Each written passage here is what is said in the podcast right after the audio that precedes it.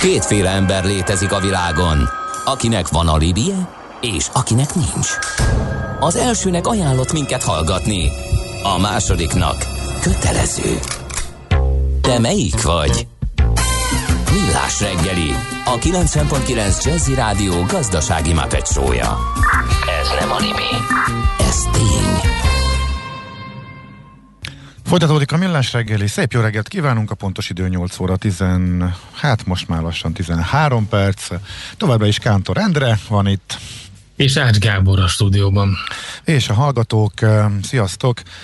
Másfél hónapja többszörös mennyiségű pályázat, ajánlatot írtunk pályázatoknak, nem pályázatíró, hanem beszállítók vagyunk, ami munkánk ugyanúgy ment a kukába, és még realizálni sem tudunk. Azért szép napot írja egy hallgató, a közelmúltban visszatekintve mi nem működött? Elektromos autótámogatás, Pfizer regisztráció, elektromos kerékpár, ne és még ez is.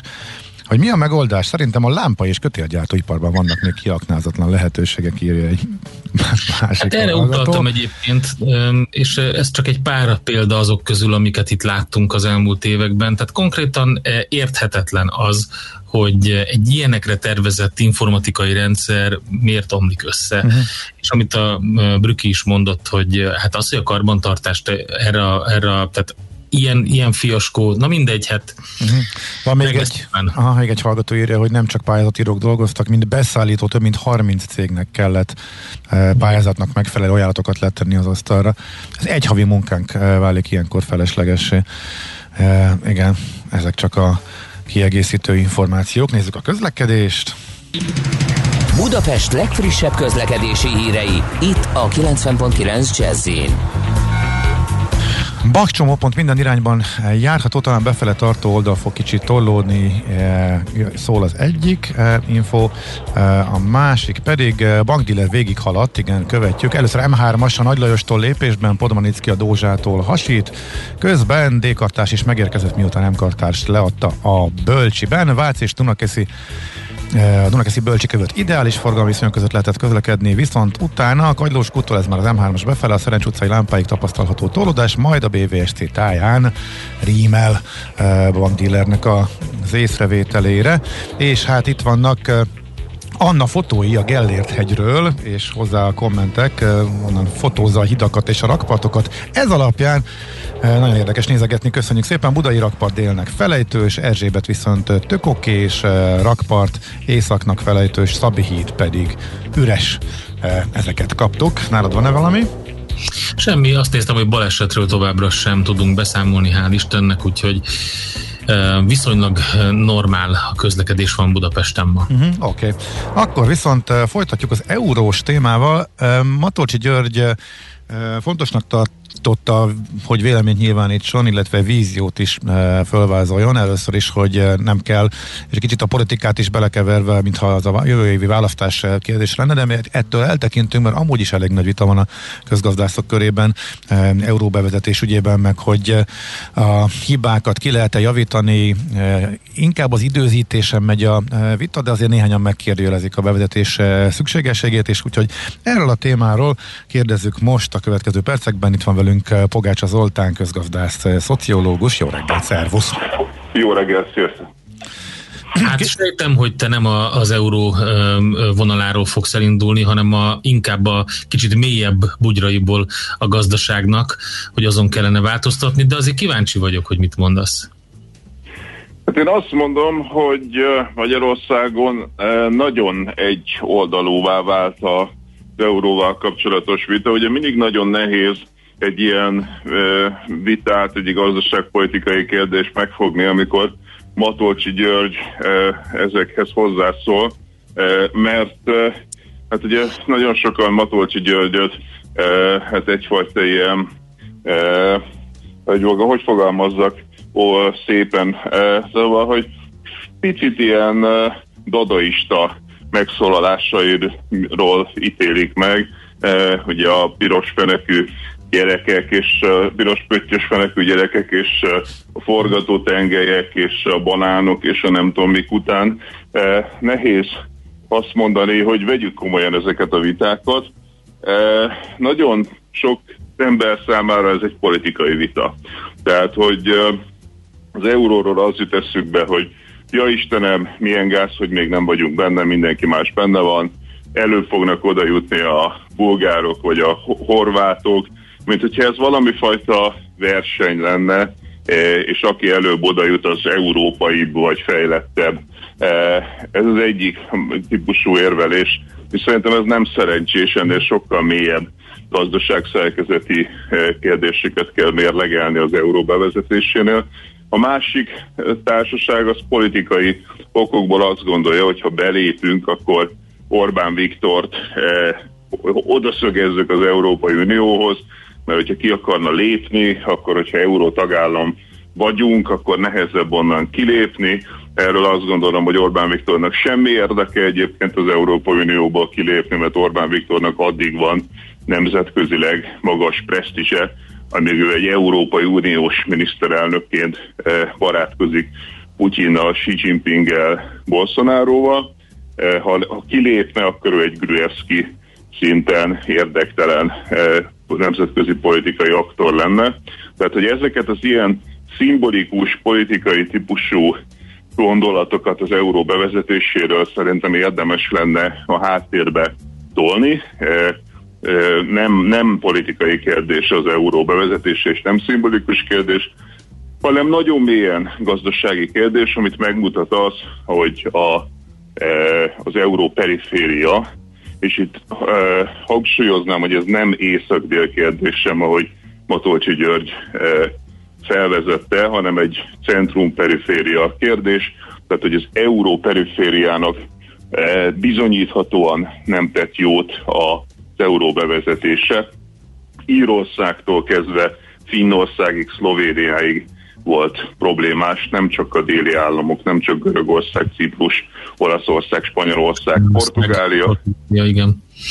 hanem nagyon-nagyon sok országnak, és ezért érdemes lefolytatni egy gazdaságpolitikai vitát a kérdésre. Rendben, és ez tök jó, és szerintem erről nagyon sokat érdemes beszélgetni, és úgy, ahogy te mondtad, mély struktúráiban megnézni azt, hogy, hogy, hogy mi az, ami hibázik ezekben a perif, az általad periféria államoknak, vagy országoknak nevezett területeken.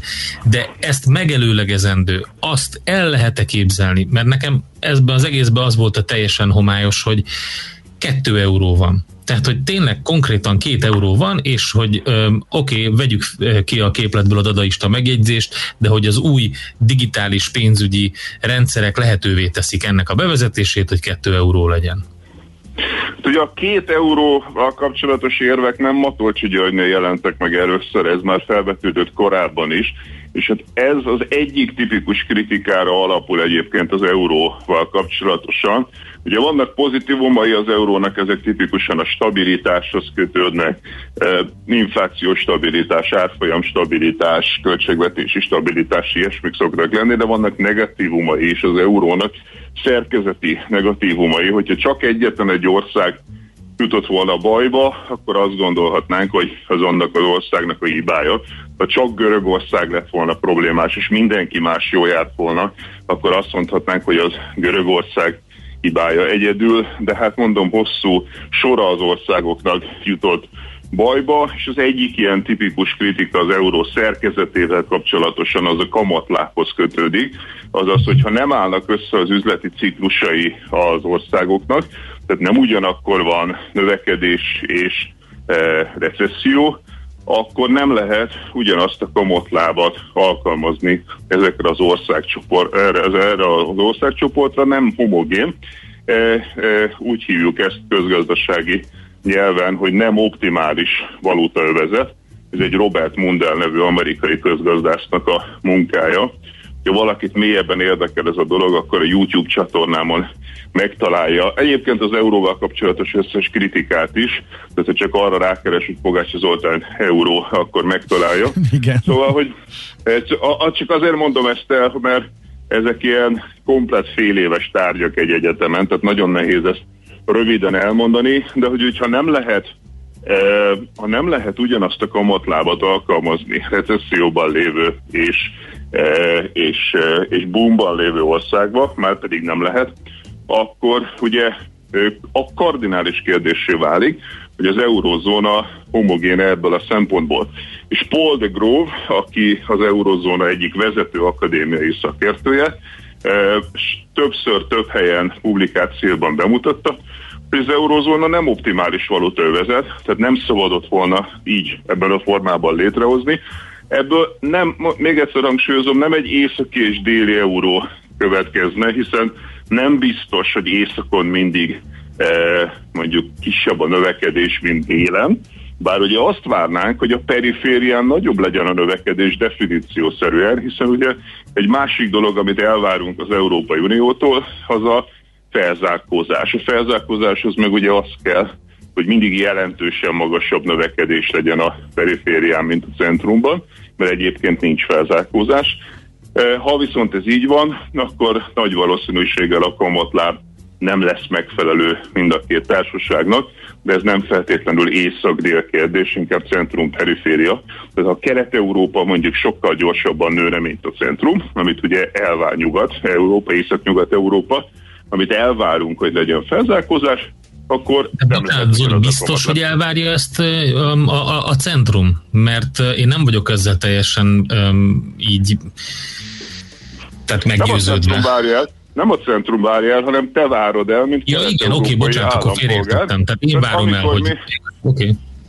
Én, én nem vagyok biztos, hogy mondjam, a cent, az észak-nyugat Európa ebből a szempontból szerintem semleges, ők azt gondolják, hogy beléptünk az Európai Unióba, és hogyha mindent jól csinálunk, és konvergencia van, hát legyen tök jó, eh, akkor Európa konvergál. Ha a kelet-európaiak önsosrontó módon eh, nem tesznek meg mindent a saját konvergenciájukért, és ezért hangsúlyozom, hogy persze vannak strukturális adottságok is, tehát eh, nem egyszerűen csak a kelet-európaiakon múlik, hiszen vannak nemzetközi függések is, és ezt nagyon sokszor figyelmen kívül hagyják a közgazdászok, hogy bizony vannak dependenciák, függések, de az sem teljesen igaz, amikor valaki azt mondja, hogy csak a függések határozzák meg eh, a periféria sorsát, hogy elég sokat tudunk tenni, hogy elrontsuk a saját fejlődésünket, de ha van fejlődés, ha van konvergencia, akkor bizony más kamatlábra van szüksége a perifériának, és ebből a szempontból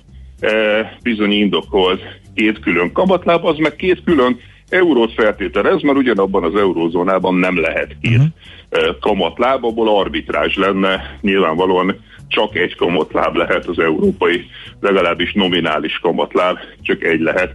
Aztán az, hogy az inflációk azok másmilyenek a zóna különböző országaiban, hogy más kérdés, de nominális kamatláb az csak egyfajta lehet, és ez, ez, ez vezetett többek között az eurózóna problémáihoz 2010 után, de van még négy másik kritika is, ezért, ezért reklámoztam egy kicsit az, a, a YouTube csatornámat, mert uh-huh. négy, négy másik nagyon potens kritika van még egyébként az euróval kapcsolatosan. Hát az első, bocsánat, az első kritikából abból automatikusan következik Matolcsi féle javaslat, tehát ez alapján logikus de nem az észak-dél. Tehát uh-huh. az, az, az a része következik, hogy, hogy, hogy hasznos lett volna két különböző eurozónát csinálni, de, de nem feltétlenül észak-délként, hiszen uh-huh.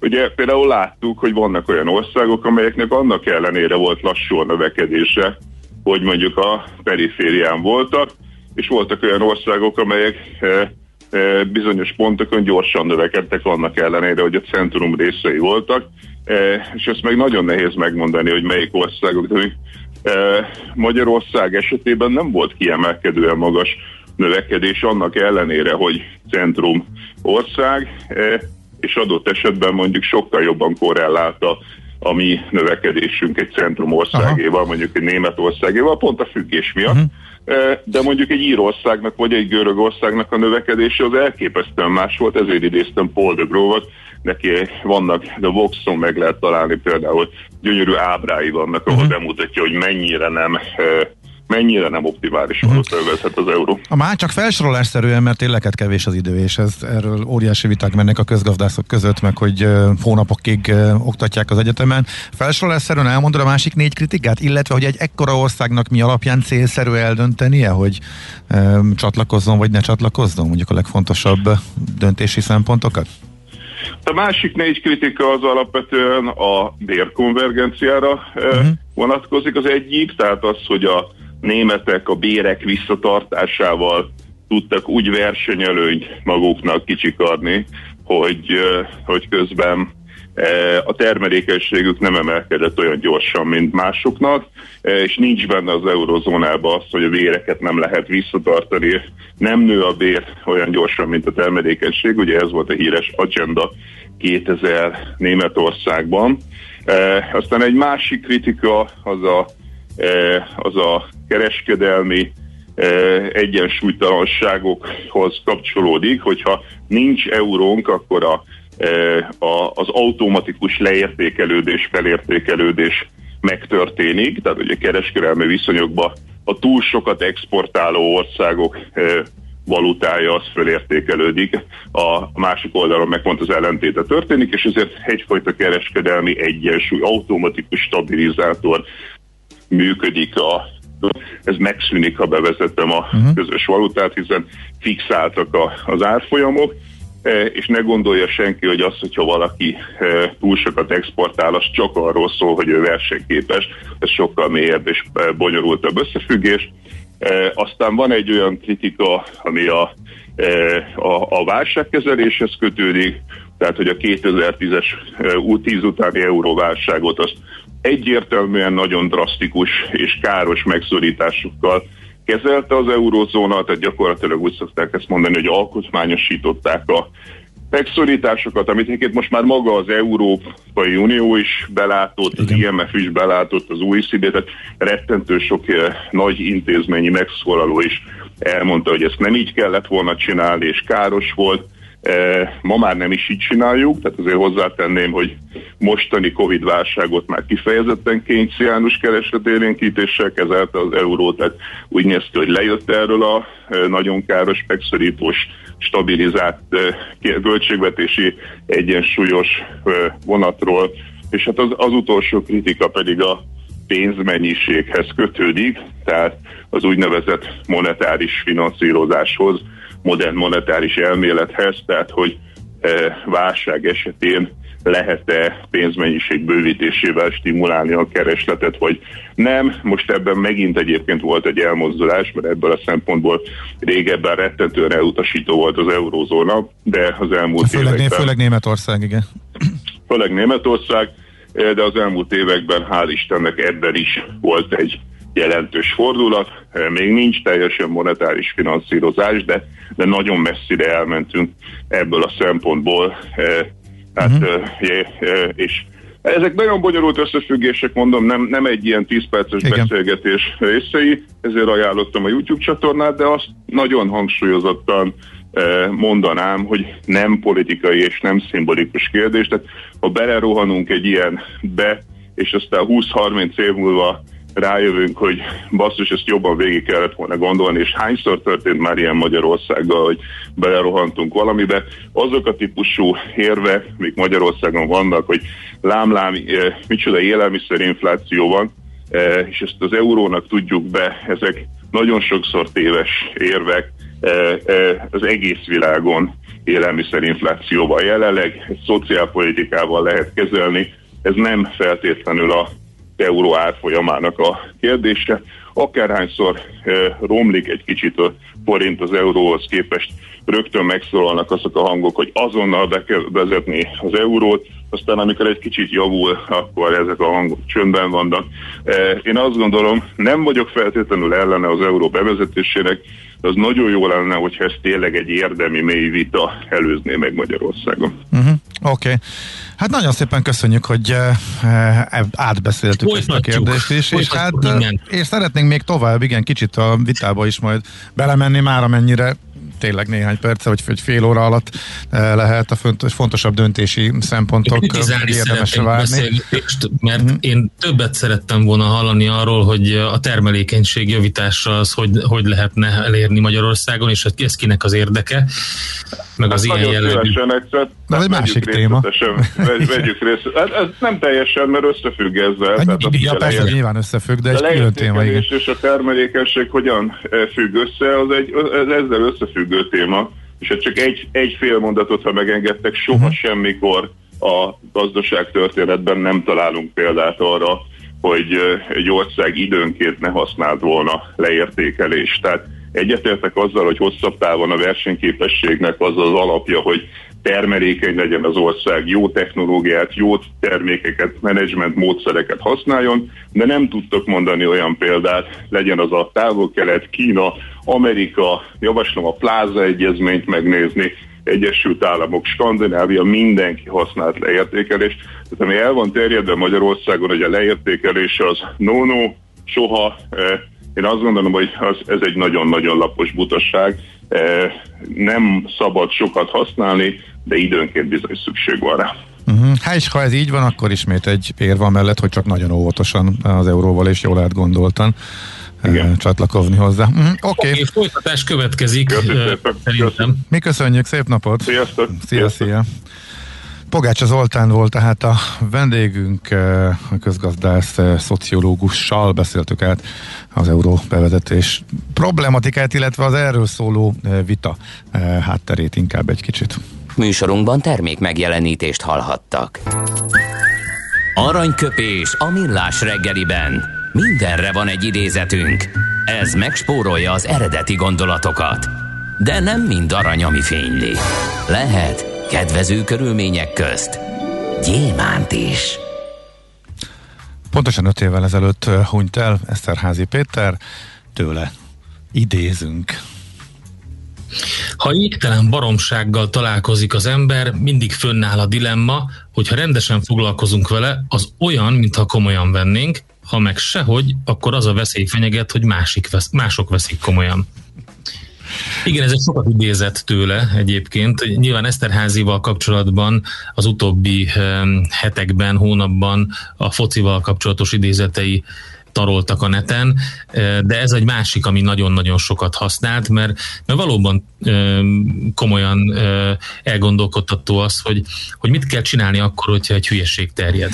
Igen, igen, és öt évvel ezelőtt hunyt ő el, és korábban mondta, és ahhoz képest évről évre szinte aktuálisabbnak, és Hát, ahogy az emberi hülyeség is határtalan. Igen, igen. Ez így aztán sajnos mindig elő tudjuk venni ezt, és még számtalan más mondását is, úgyhogy ajánljuk nagyon olvasásra. Főleg a mostani post, post-truth világban, ahol mondjuk a terjedési sebesség az matványozódott, igen. Aranyköpés hangzott el a millás reggeliben. Ne feledd, tanulni ezüst, megjegyezni arany. Egy jó ötlet, már fél siker. Az innováció, kreativitás hajtja a GDP-t, növeli a versenyképességet, munkahelyeket teremt. Kigondolni nehéz, eltulajdonítani azonban könnyű. A nemzeti tudásbázist és a kulturális vagyont hatékonyan kell védeni. A szellemi tulajdon kincset ér. Gondolkodom, tehát vagyon. Beszéltünk róla műsorban, hogy indul a gyors jelentési szezon. Amerikában, meg szerte a világon a cégek bejelentik, megmutatják a számaikat, hogyan muzsikáltak az elmúlt fél évben, és hát végig egy hasonlót kérünk mi is egy más témában. Itt van velünk Pomázi Gyula, a Szellemi Tulajdon Nemzeti Hivatal elnöke. Jó reggelt kívánunk! Jó reggelt kívánok én is mindenkinek! Igen, hogy a cégek olyan értelemben hogyan muzsikáltak, hogy mennyire eh, aktívak, eh, több vagy kevesebb szellemi tulajdonvédelmi bejelentéssel éltek az idei első fél évben. Mit tapasztaltak? Hát igen, ez a gyors jelentési rendszer, ez valóban uh, ilyen értelemben egy nagyon fontos állapot és egy nagyon fontos állomása az évnek. Ekkor látjuk, hogy az első negyedév fél év eredményei mit produkálnak. És azt kell mondjam, hogy jelen állapotban a szellemi tulajdon joggal kapcsolatos adataink, azok uh, gyakorlatilag nagyon pozitívak. Pozitívak minden egyes uh, iparjogvédelmi területen, hogyha a szabadalmi bejelentések számát, számosságát, hazai aktivitását nézzük, hogyha a védjegyekkel kapcsolatos oltalmak igényeinek növekményét nézzük, vagy akár a különböző formatervezési mintaoltalmak, használati mintaoltalmak számának a változását nézzük. És az is érdekes adat sor, hogy hogyan alakult a hazai, illetve a nemzetközi bejelentőknek a száma pandémia ellenére, vagy akár annak hatására is, mert hogy látható módon egy jó pár olyan jellegű ágazatban igen jelentős mértékig megugrott a szellemi tulajdonjoghoz kötődő oltalmaknak a kérése, amelyek nyilván triviálisak így a pandémia idején, hisz hogyha egy egészségügyel kapcsolatosan egy gyógyszerfejlesztés oltalmi igényeire gondolunk, akár csak szabadalmakra vagy védjegyekre, az teljesen érthető. Akár az élelmiszeripar mentén megugró védjegyek számossága, ez megint csak talán érthető, hisz a brandépítéshez, márkaépítéshez eh, nagyon fontos és szükséges, de egy biotechnológia, egy vegyipar, egy elektronikának a az előretörése, és itt a különböző oltalmi ágakban ez egy elég eh, szignifikánsan megjelenő szám, ez a fajta növekmény mindenképpen jó. Uh-huh. Teljesen természetesen mondjuk egy turizmus kapcsán a védjegy bejelentések száma drasztikusan csökkent, ez teljesen érthető, hisz ott a túlélés a legfontosabb tétel, és kevésbé az, hogy a szellemi tulajdonjoggal éppen mi a helyzet. De hogyha nézzük az, az, az alapvető számainkat, akkor azt kell, hogy mondani, azt kell mondani, hogy a szabadalmak tekintetében kezdtünk kijönni a gödörből. 2016-ban nagyjából egy olyan 400 bejelentés érkezett az első fél évben, ez 16-ban, és most kezdjük elérni azt az állapotot, hogy ilyen 250 környékére kúszik vissza az a szám, úgy, hogy 19-ben érte el a legmélyebb pontját ez az adat, ez ilyen 220-230 környékén volt. Tehát elindult fölfele. Aha, de 16 és 19 között miért, miért csökkent ilyen drasztikusan? Azért nagyon érdekes ez a helyzet, mert hogy eh, nagyon sokan indultak el a nemzetközi bejelentések Aha. irányába is egyik oldalon.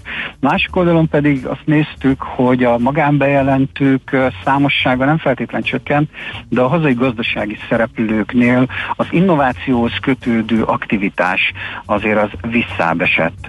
A 19-et követő időszakban nagyon sok pénz költődött el a vállalati, illetve az egyetemi alkalmazott kutatásokra, innovációkra, és ezeknek a hasznosításának az egyik nagyon fontos állomása az, hogy van-e valamilyen oltalom. És ez a fajta növekmény ebben azért jól mérhető, hogy mondjak csak egy példát, 2018-19-ben az 23-24 államilag finanszírozott egyetem összességében 11 néhány szabadalmat nyújtott be egész évben. Aha.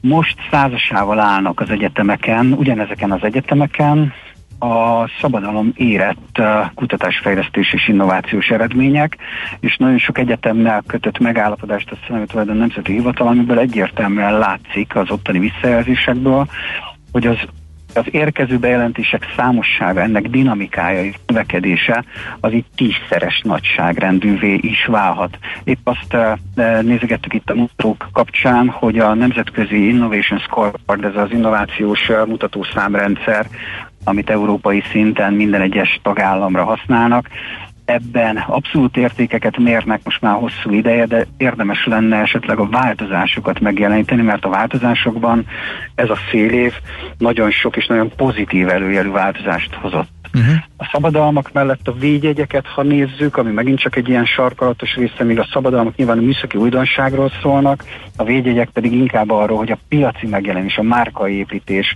a piaci jelenlét, az hogyan alakul mondjuk adott helyzetben egy középkis vállalkozás esetében, vagy egy vállalkozás esetében.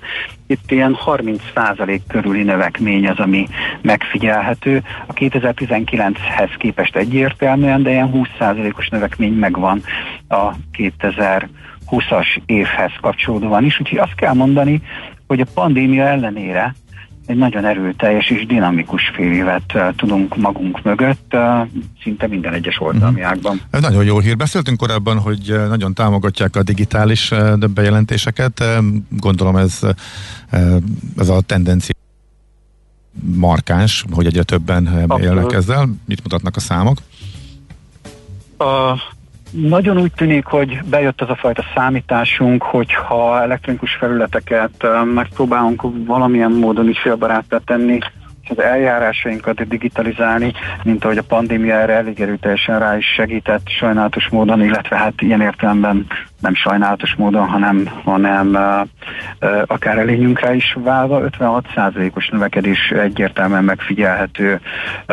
A különböző bejelentések kapcsán is 50-60 és 70 százalék környékén van az az arány, ami az elektronikus bejelentések számát illeti. Ez praktikusan ugye mára már egy egyértelmű és elsődleges kommunikációs felületté vált maga a digitális, illetve az elektronikus bejelentési lehetőség, és ez igaz minden egyes oltalmi területen, tehát átvette mára már a papír alapon benyújtottakhoz képest az elektronikus mm. kommunikációs felületeknek a használata. Mm. Ez akkor ennek a fél, fél évnek az eredménye, ugye, hogy most fordult át, ha jól értem. Igen. Mm-hmm. Okay. igen, igen, igen, igen, egyértelműen. Mm-hmm. Szuper, nagyon szépen köszönjük, hogy eh, beszélgettünk erről, és további sok sikert akkor a második fél évhez is. Köszönjük szépen, igen, folytatjuk. Oké, okay. és majd kíváncsiak leszünk annak az eredményeire is. Szép napot, jó Köszönöm munkát! Szépen. Köszönöm szépen! Viszont hallásra! Viszont Pomázi Gyulával a Szellemi Tulajdon Nemzeti Hivatala elnökével beszélgettünk. A szellemi tulajdon kincset ér. Egy jó ötlet, már fél siker. Gondolkodom, tehát vagyon. Szívesen böngész piacokon. Meglovagolnád a hullámokat? Akkor neked való a Hotspot piaci körkép az Erste befektetési ZRT szakértőivel. Gyors jelentések, gazdasági mutatók, események. Nálunk mindent megtalálsz szakértőink tolmácsolásában. Ha azonnali és releváns információ Csatlakozz piaci hotspotunkhoz. Vel. Kababik József, üzletkötő a vonalban, jó reggel, szia! Sziasztok, szép jó reggelt mindenkinek! Na, jönnek a gyors jelentések, gondolom ezek így most van, a legfontosabbak, amik hirtelen beestek Amerikában. Milyenek lettek, illetve fontosabbak a következő napokban? Jó, jó volt ez a dal, még szívesen hallgattam volna. Egyébként a, tudod, de miért nem jön senki? Azért nem jön senki, mert eddig az EB-n voltak, azt nézték, és ahogy az végét ért, most meg elkezdődött a gyors jelentési szezon, ezért nem jön senki, hogy megválaszoljam a tényleg, tényleg nagyon jó refrént.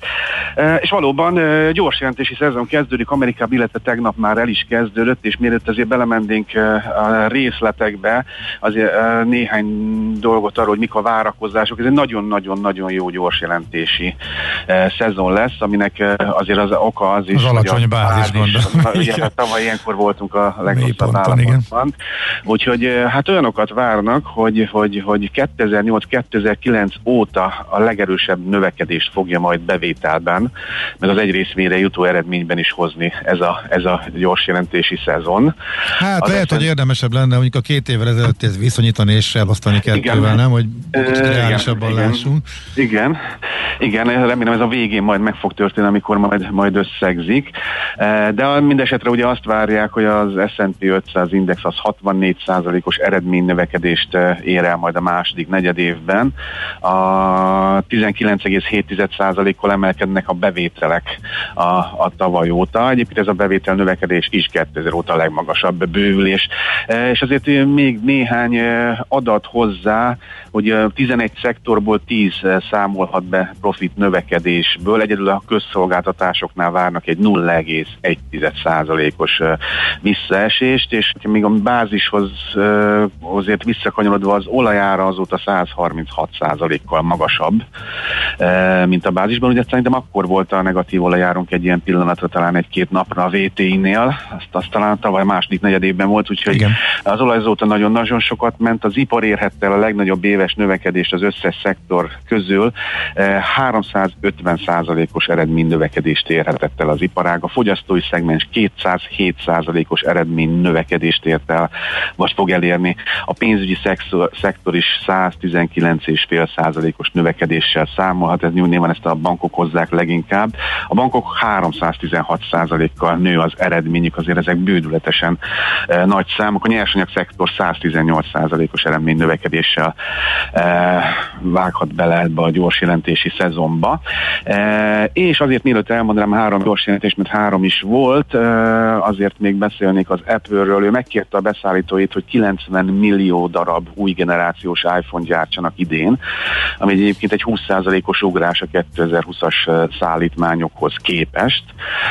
És a, ugye én, én magam sem emlékszem, nagyjából ilyen 75 millió telefont szoktak értékez, érték, értékesíteni egy ilyen ciklus alatt. Ez egy, azért ez egy egyértelműen nagyobb előrejelzés, vagy jobb előrejelzés előrejelzés, a cég ugye úgy számol, hogy az új telefonjára magasabb lesz az igény. Ugye ezek már 5G-sek, már a mostaniak is 5G-sek, úgyhogy lesz rájuk kereslet. Apple 145,64-en van 0,8%-ot emelkedett tegnap. Hát visszajött ő ide föl a történelmi csúcsak közelébe, azt hiszem 147 volt a, a, a 147 dollár volt a történelmi csúcs, és még mielőtt az amerikai gyors jelentésekre rámennénk, BASF, tehát a németek meg tesznek közé ilyen előzetes számokat, a BS, BASF 40%-kal növelt az idei előrejelzését, 7-7,5 milliárd euróra növelte az EBIT előrejelzését, a korábbi 5,8 milliárd eurós értékről. Javult a vegyipari környezet, teljesen jó előrejelzést tett közzé. Ezt nem ma volt, ez azt hiszem talán, talán, talán tegnap előtt, úgyhogy viszonylag jól állnak, 67-94-en áll a részvény. Volkswagen is egyébként hasonlóképpen járt el. Ő is közzétett egyrészt számokat, másrészt pedig ugye volt neki is egy New Auto címmel egy ilyen, egy ilyen előadása. Nem, a marketingesek lehetnének ott erősebbek egy picikét szerintem. Tehát, hogy ez, elég, elég egyszerű ez így úgy arról beszélt, amiről szokott beszélni egyébként teljesen átalakul, még gyorsabban átállnak elektromos autókra. Jól emlékszem az évtized végére 50% eh, már elektromos autó lesz. Ezt szeretik minden héten elmondani és vaskosan kommunikálni. Igen, igen, igen, igen, és hogy még akkor a mobil, most nagyobb hangsúlyt kapott ez a mobilitási piac, a autó megosztás, a okos autó, a önvezető autó, a, és mindenféle szolgáltatás, ami erre épül. Bejelentettek egyébként költségcsökkentést is, tehát hogy próbálják a személyköltségeket is lejjebb faragni, meg anyagköltséget is, a, mert hogy mindent egy lapra tesznek föl ugye erre az elektromos autós történetre, és hát jól áll a Volkswagen, és oldalazik, illetve sávozik a Volkswagen árfolyama egyébként ez ilyen 200, 2 és 240 között. Itt a múlt héten fordult meg, már voltunk 202-203-an, és a, aztán most elindult az árfolyam múlt hét pénteken, meg erre, erre a hírre is, tehát hogy viszonylag, viszonylag szépen történik az emelkedés. Gyors jelentés, akkor végül JP Morgan-nel kezdjük, nagyon-nagyon jó lett egyébként, az árfolyam az nem reagált rá igazándiból. Hát de az előző hetekben azért szépen fölmentek ezek.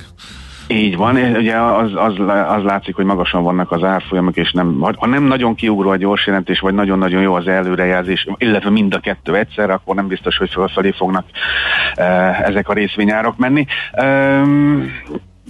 Nem akarok nagyon-nagyon sok-sok számot mondani, mert lehet, hogy az nem olyan izgalmas, de 3,78 eh, dolláros eredmény az egy évek korábbinak, az egy, egy, egy, egy részmére jutó eredmény az egy évek korábbi adatnak a háromszorosa, a, és 18%-kal jobb, mint a, az elemzői eh, várakozás.